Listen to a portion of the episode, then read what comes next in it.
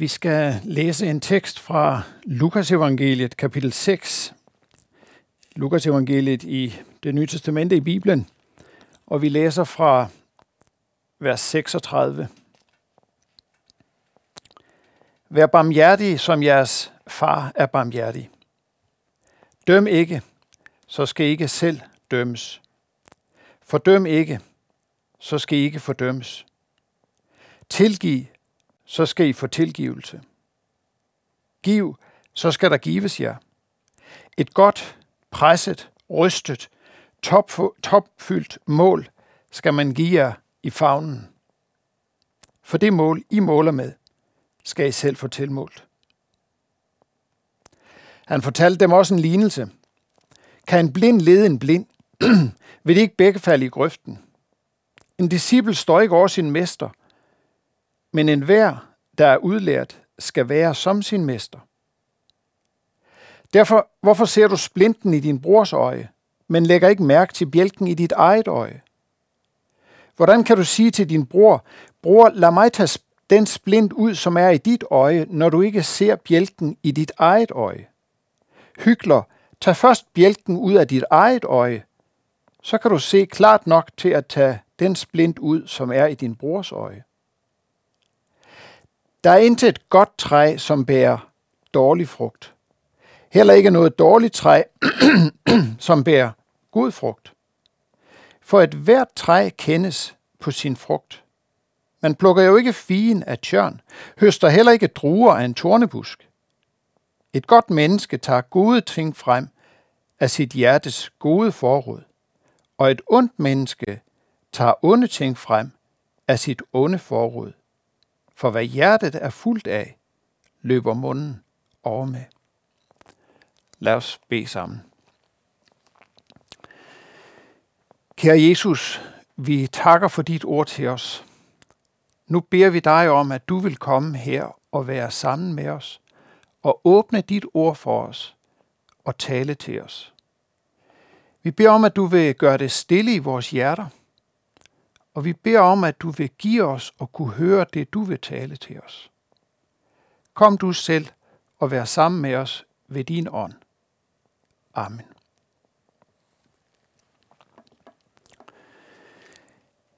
Det afsnit, vi har hørt, det er et afsnit af en tale af Jesus. Jesus holdt en længere tale, umiddelbart efter, at han havde udvalgt sine disciple. Og talen minder på mange måder om en tale i Matteus evangeliet, som vi kalder bjergprædikenen. De to taler er måske den, den samme tale, som Markus, nej, som Matthæus og Lukas de har gengivet på lidt forskellig måde. Se, når nogen holder en tale, så er det vigtigt at lægge mærke til, hvem det er, der taler, og hvem det er, talen bliver holdt til. Hvis vi for eksempel er til bryllup, og brudgommen rejser sig og slår på glasset, så kan vi være ret sikre på, at den, der har fokus i talen, det er bruden. Og hvis vi nu er med til bryllup, så betyder det jo ikke, at vi bare kan koble fra, for det, som han siger i sin tale til bruden, det er helt sikkert både relevant og interessant, og også vedkommende for os, som sidder og lytter på. Da Jesus holdt den her tale, der havde han lige udvalgt sine 12 disciple. Og så holdt han en tale til disciplene. Men han holdt faktisk ikke kun talen til disciplene. For i begyndelsen af den her tale, der står der, at en skare af disciple samlede sig, og så holdt Jesus talen til dem. Og så står der også, at folk fra de omkringliggende egne, de kom og hørte på Jesus.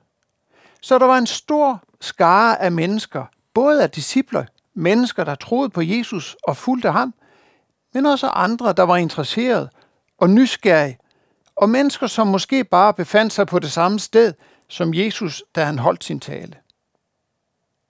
Så når Jesus holder en tale, så er der noget til alle. Både dem, som tror på ham, og dem, som måske bare kommer forbi. Og sådan er det også i dag. Måske er du vant til at gå til møde eller gå til gudstjeneste, eller måske kommer du aldrig sådan et sted, men bare er kommet forbi. Jesus holder en tale, og budskabet har adresse til os alle sammen. Jesu tale, den handler om Guds rige. Guds rige er ikke nævnt i det afsnit, som vi læste, men hvis vi ser i begyndelsen af talen, så bliver vi klar over, at talen handler om Guds rige. For dem, der hørte på Jesu tale, der var Guds rige noget fremtidigt. Noget, der skulle komme en gang. Et rige, som Gud ville oprette, når han afsluttede den her verdens tidsregning, den her verdens historie. Så vil Gud oprette et, et fredsrige, tænkte folk. I det gamle testamente i Bibelen, der står det rige omtalt, og der er det noget med en kalv og en løve, der skal græsse sammen. Et lille barn skal lege ved hukormens hul. Ørkenen skal blomstre. Jeg er et fantastisk rige, hvor det skal være fred, og hvor det skal være godt at være, og hvor der ikke skal være noget ondt.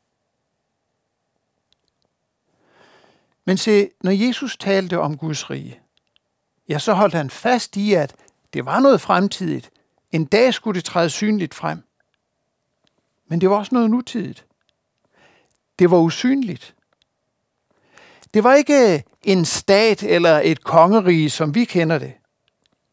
Måske var det et netværk, kunne vi sige. Dem, som Jesus talte til, disciplerne, dem, der troede på Jesus og som følger ham, dem talte han til, som om de allerede nu er og var en del af Guds rige. Og sådan er det med Guds rige. Det er nuværende. Guds rige er kommet, og samtidig skal det træde synligt frem en gang. Og se, Jesu tale, den handler om, hvad det er, der kendetegner Guds rige. Hvad det er, der kendetegner mennesker, som er en del af Guds rige. Døm ikke, siger Jesus. Fordøm ikke. Tilgiv. Giv. Vær barmhjertig.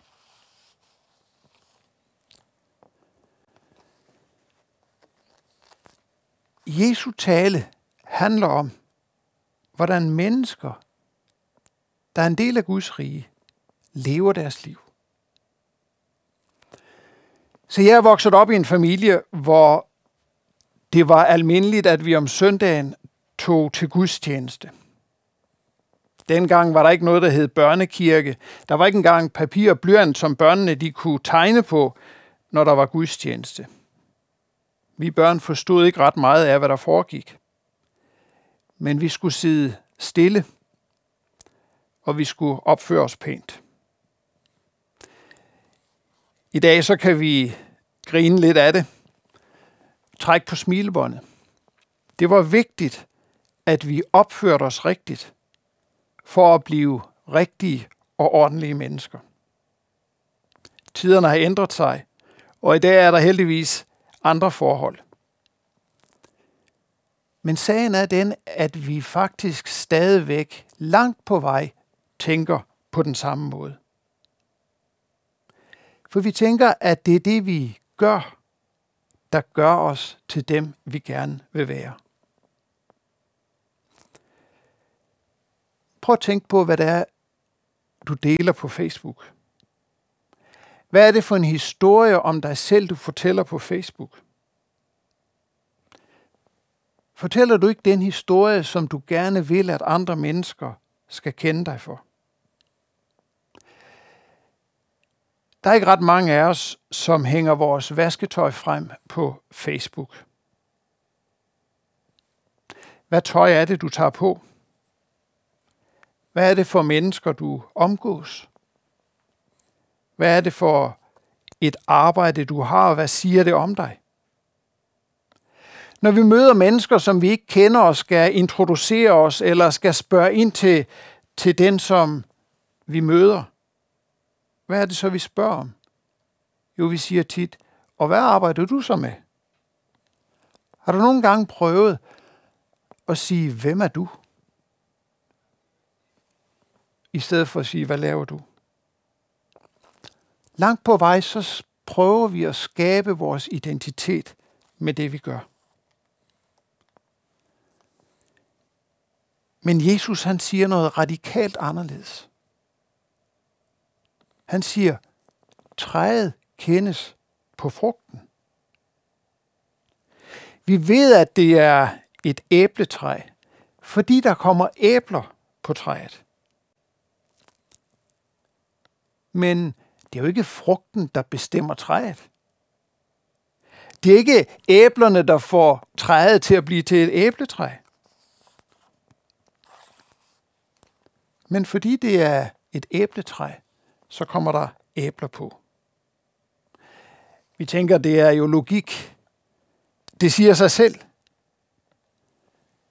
Men sagen er, at Jesus han siger, at det samme gælder for mennesker. Han siger, hvad hjertet er fuldt af, løber munden over med.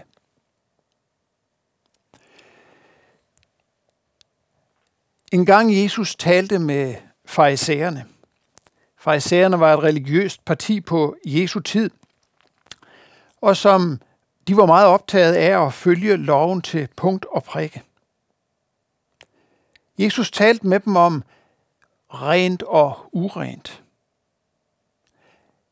Farisæerne de anklagede Jesus og hans disciple, fordi de ikke vaskede deres hænder, før de spiste. Og farisæerne de mente, at når man ikke vaskede hænderne, før man spiste, ja, så var det ikke bare fordi, at man kunne få noget i sig, som man kunne blive syg af, men så blev man uren.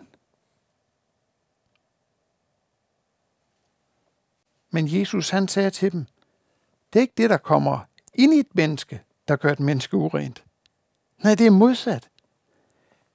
Det er det, der kommer fra hjertet og kommer ud af et menneske, der gør et menneske urent. Fordi det, som er i hjertet, det løber munden over med.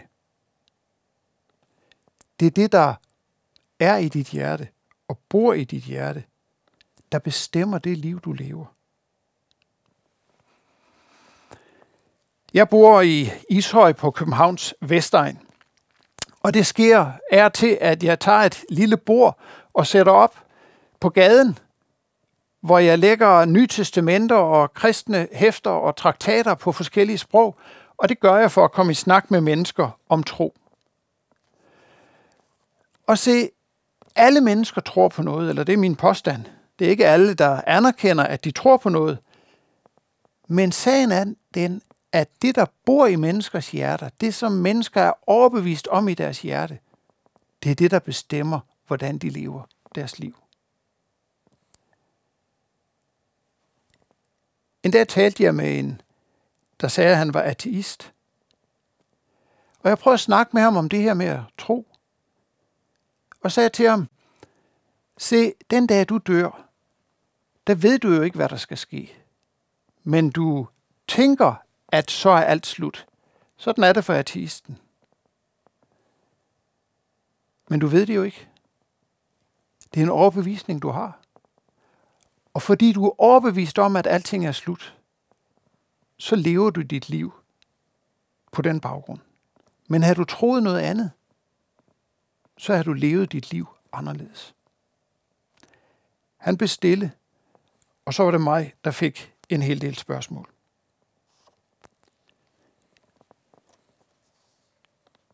Der er fire spørgsmål, som har været til kolossalt stor hjælp for mig. Jeg bruger dem faktisk dagligt. Det er ikke nogle spørgsmål, som jeg har opfundet. Det er der andre, der har gjort. Jeg har læst om den, og det kan meget vel være, at nogle af jer, der ser med her, I har mødt dem før. Men jeg vil bruge dem her som en hjælp til at forstå, hvad det er, Jesus han vil fortælle os her. De fleste dage, så begynder jeg med at læse i Bibelen og bede. Og her bruger jeg faktisk de her fire spørgsmål. Det første, jeg gør, det er, at jeg minder mig selv om, hvem det er, jeg beder til. Og hvorfor jeg har lov til at bede til ham. Jeg beder til Gud i himlen. og jeg beder, fordi Jesus har givet mig adgang til at bede til ham.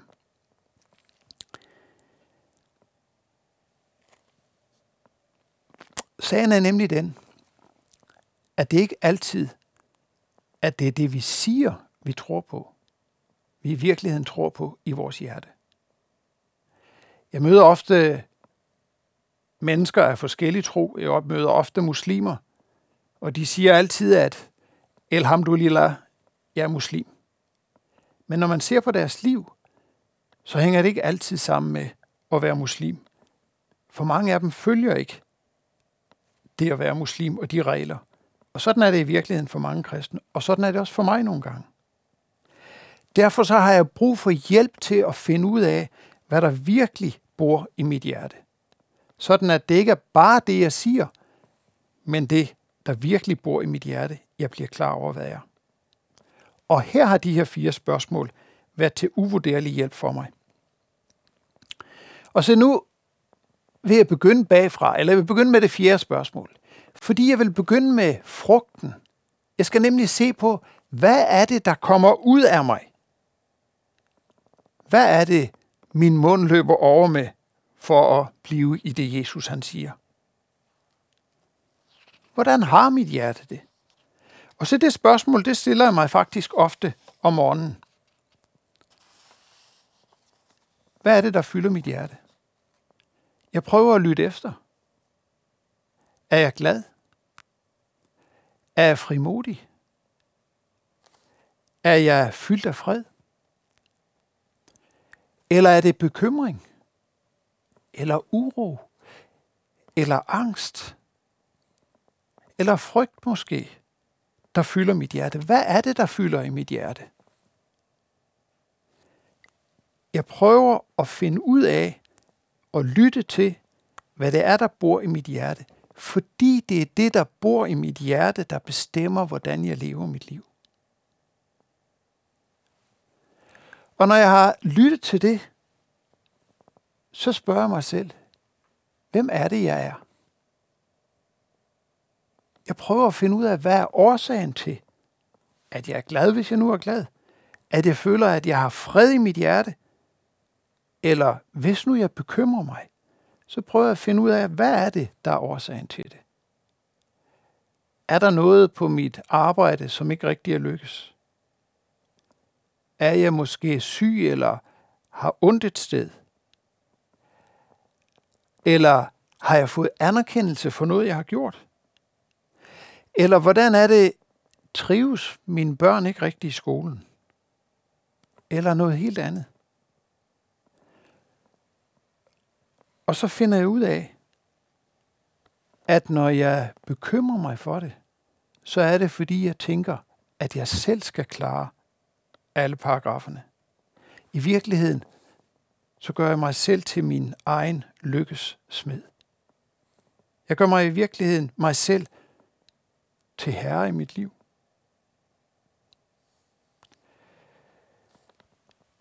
Når jeg så stiller det andet spørgsmål, hvad har Gud gjort, som viser, at han er Gud? Eller hvad har den Gud, som jeg i virkeligheden tror på, gjort, som viser, at han er Gud? Og så kommer jeg i virkeligheden til kort. Fordi jeg må se i øjnene, at jeg er meget dårlig til at være Gud i mit eget liv. Jeg er en dårlig herre. For det er ret, ret få ting, som jeg virkelig kan gøre noget ved. Og når jeg så kommer til det sidste spørgsmål om, hvem Gud er, ja, så må jeg i virkeligheden give op og sige, jeg kan ikke være Gud i mit eget liv. Jeg kan ikke ændre de ting, som jeg bekymrer mig for. Og derfor høster jeg bekymring og mismod og frygt i mit liv. Og derfor bliver jeg glad, hvis der er noget, der er lykkes. Fordi så er det jo, fordi der trods alt er lidt, der er lykket for mig. Jeg er en dårlig Gud i mit eget liv. Men se, jeg begynder jo med at læse i min Bibel. Og i Bibelen, der bliver jeg klar over, at der er en anden Gud, som virkelig er Gud. Den Gud ønsker jeg at tjene, og det er ham, jeg ønsker skal være min Gud. Ham ønsker jeg skal være Gud i mit liv. Han er skaber og opretholder af alt. Han er en kærlig Gud og far. Han kan alt, hvad han vil. Og det han har besluttet, ja, det er der ikke nogen, der kan forhindre. Ham ønsker jeg skal være Gud i mit liv. Derfor så begynder jeg med spørgsmålene, men nu begynder jeg den anden vej, fordi jeg er klar over, at udgangspunktet må være den levende Gud, den virkelige Gud.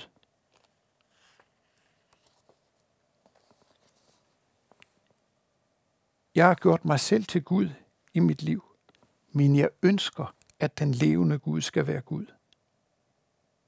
Jeg kan ikke give mig selv lykke. Det kan kun Gud. Derfor vender jeg mig til ham.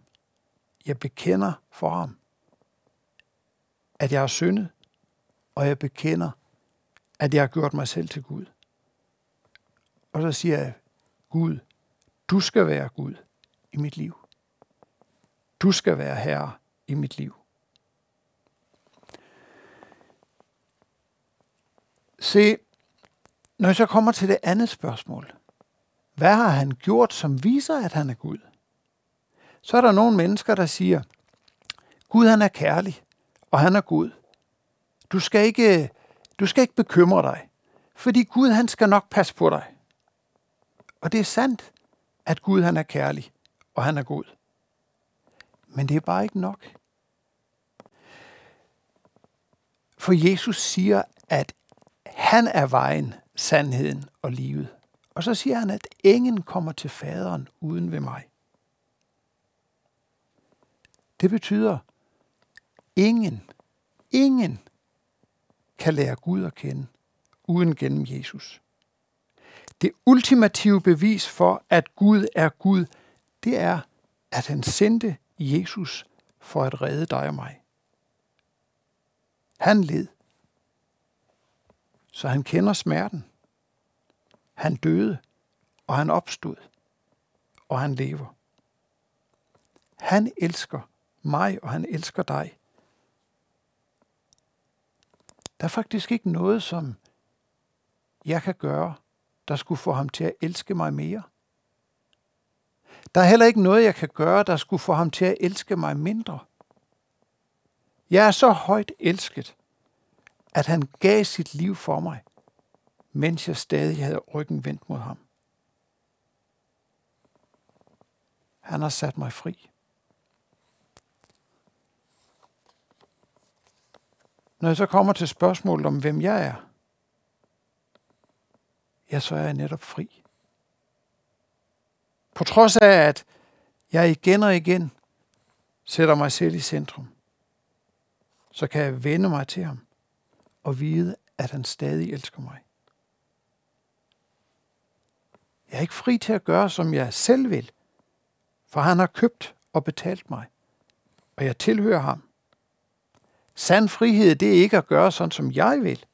Sand frihed, det er at gøre, som han vil, og det, som han har skabt mig til.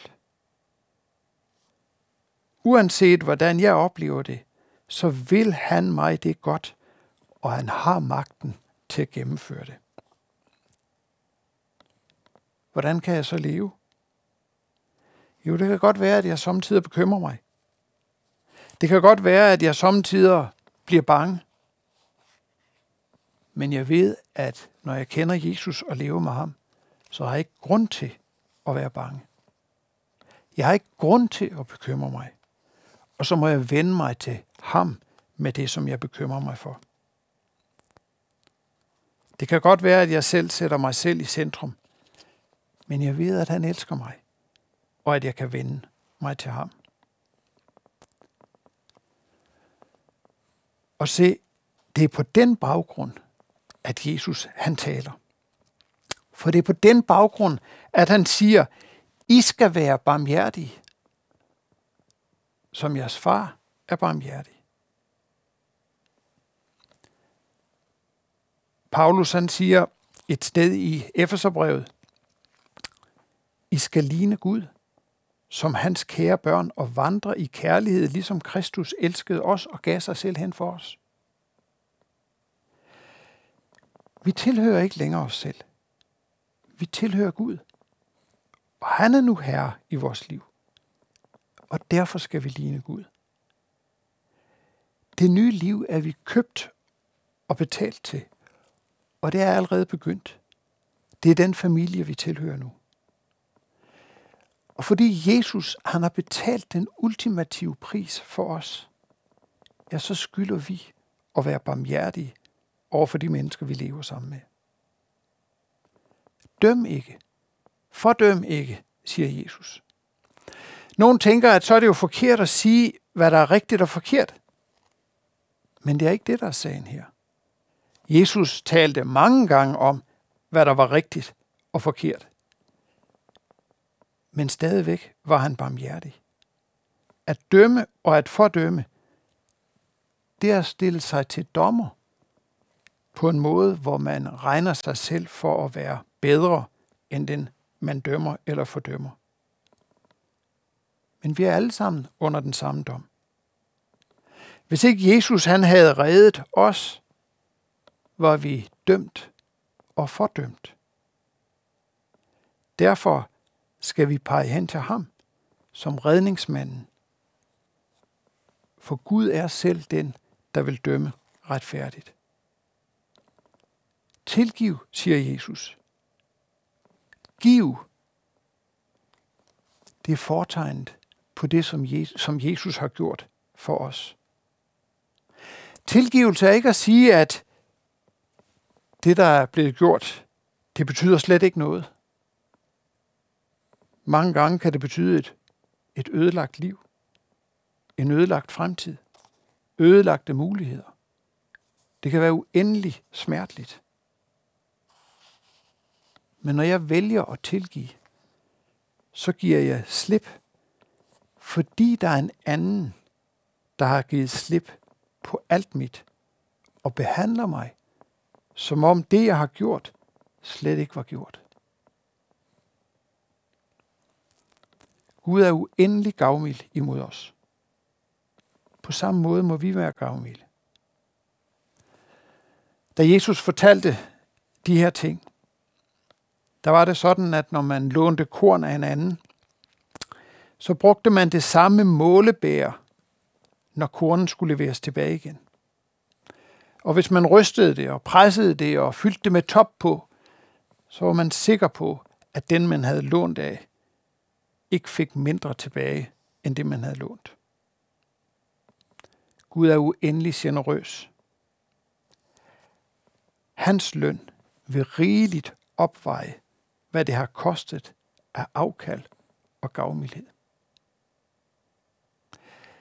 Da Jesus døde på korset, da han var i Gethsemane have og svedte blod, der betalte han prisen for vores synd. Det var smerteligt. Det var uendelig smerteligt. Men han udholdt korset uden at indsætte et skam, fordi han så hen til den glæde, der ventede ham. Sådan må vi også leve, fordi vi kender ham. Til sidst bruger Jesus to alvorlige billeder. Kan en blind lede en blind? Og så billedet med splinten i brorens, nej, jo, splinten i brorens øje og bjælken i ens eget øje. Så Jesus taler til disciplene her. Mennesker, der tror på Jesus og følger ham. Og så advarer Jesus med det første billede med den blinde, der ikke kan lede den blinde. Og advarer og siger, I skal være optaget af, hvem det er, I lytter til. En disciple står ikke over sin mester. En elev ikke over sin lærer. Jesus giver sig selv som eksempel for os. Han gav sit liv for os, mens vi endnu var syndere. Vores standard, er ikke den samme som mennesker, der ikke kender Jesus. Vær barmhjertig. Døm ikke. Fordøm ikke. Tilgiv. Giv rigeligt. Guds rige. Mennesker, der kender Jesus og lever med ham, er kendetegnet ved at leve et anderledes liv. Et liv som det, vi skal leve i Guds rige. Himlens og jordens skaber elsker dig og mig, og vil aldrig holde op med at elske. Han vil aldrig forlade dig, og han vil være hos dig altid. Det sidste billede med splinten i brorens øje og bjælken i ens egen øje. Det er et billede på en, der vil følge Jesus. Lytter til hans undervisning, men ikke bruger den på sig selv. Må ikke vi alle sammen har prøvet at have en splint i øjet. Det er svært ikke hele tiden at være optaget af at få splinten ud af sit eget øje. At der er en splint i ens brors øje og en bjælke i ens egen øje, ja, det er lidt med et vink med en vognstang. Det er et eksempel, der virkelig er til at forstå. Det er alvorligt. Beretningen om kong David, som vi hørte i begyndelsen af gudstjenesten. Kong David, der havde slået Urias ihjel og taget hans kone. Det er et stærkt eksempel på, hvad hyggeleri det er. Det er at leve med to masker. Det er at leve dobbeltliv. Vi ved ikke så meget om, hvad David havde tænkt, for det fortæller beretningen ikke. Men han var uendelig rigt velsignet af Gud, både materielt og åndeligt. Og samtidig var han den mest magtfulde mand i Israel. Og så handlede han, som om han var Gud. Han slog manden ihjel til den kvinde, som han ønskede sig. Men selv i den situation viste Gud barmhjertighed. For han sendte Nathan, en profet, til David, der fortalte ham en historie. Og hvor David til sidst måtte erkende, at det var ham, der var manden. Nathan sagde til ham, du er manden. Han havde levet i hykleri, et dobbeltliv. Han havde levet bag en maske og tænkt, at han var hævet over alt andet. Han har gjort sig selv til Gud i sit eget liv.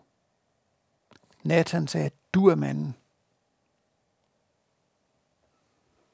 Det førte til, at David så bjælken i sit eget øje. Og selvom ikke vi læste den del af beretningen i begyndelsen af gudstjenesten, så kan du jo selv læse videre i 2. Samuel kapitel 12. For David han siger faktisk, jeg har syndet mod Herren. Og så sagde Nathan, så har Gud også tilgivet dig. Fordi sådan er Gud nemlig. Der hvor vi vender om til ham og siger, du skal være Gud i mit liv. Jeg har syndet. Der er Gud barmhjertig og rig på noget, så han tilgiver den, der kommer til ham. Lad os bede sammen. Kære Gud og far i himlen, tak fordi, at du er barmhjertig og rig på noget over for os. Og tak fordi, at du har slettet alt det, som var dig imod, og sat os fri til at leve et liv i din familie, til at begynde at leve det liv, som vi også skal leve i dit rige, når det kommer synligt frem. Far i himlen, vi beder om, at du vil velsigne os til det. Amen.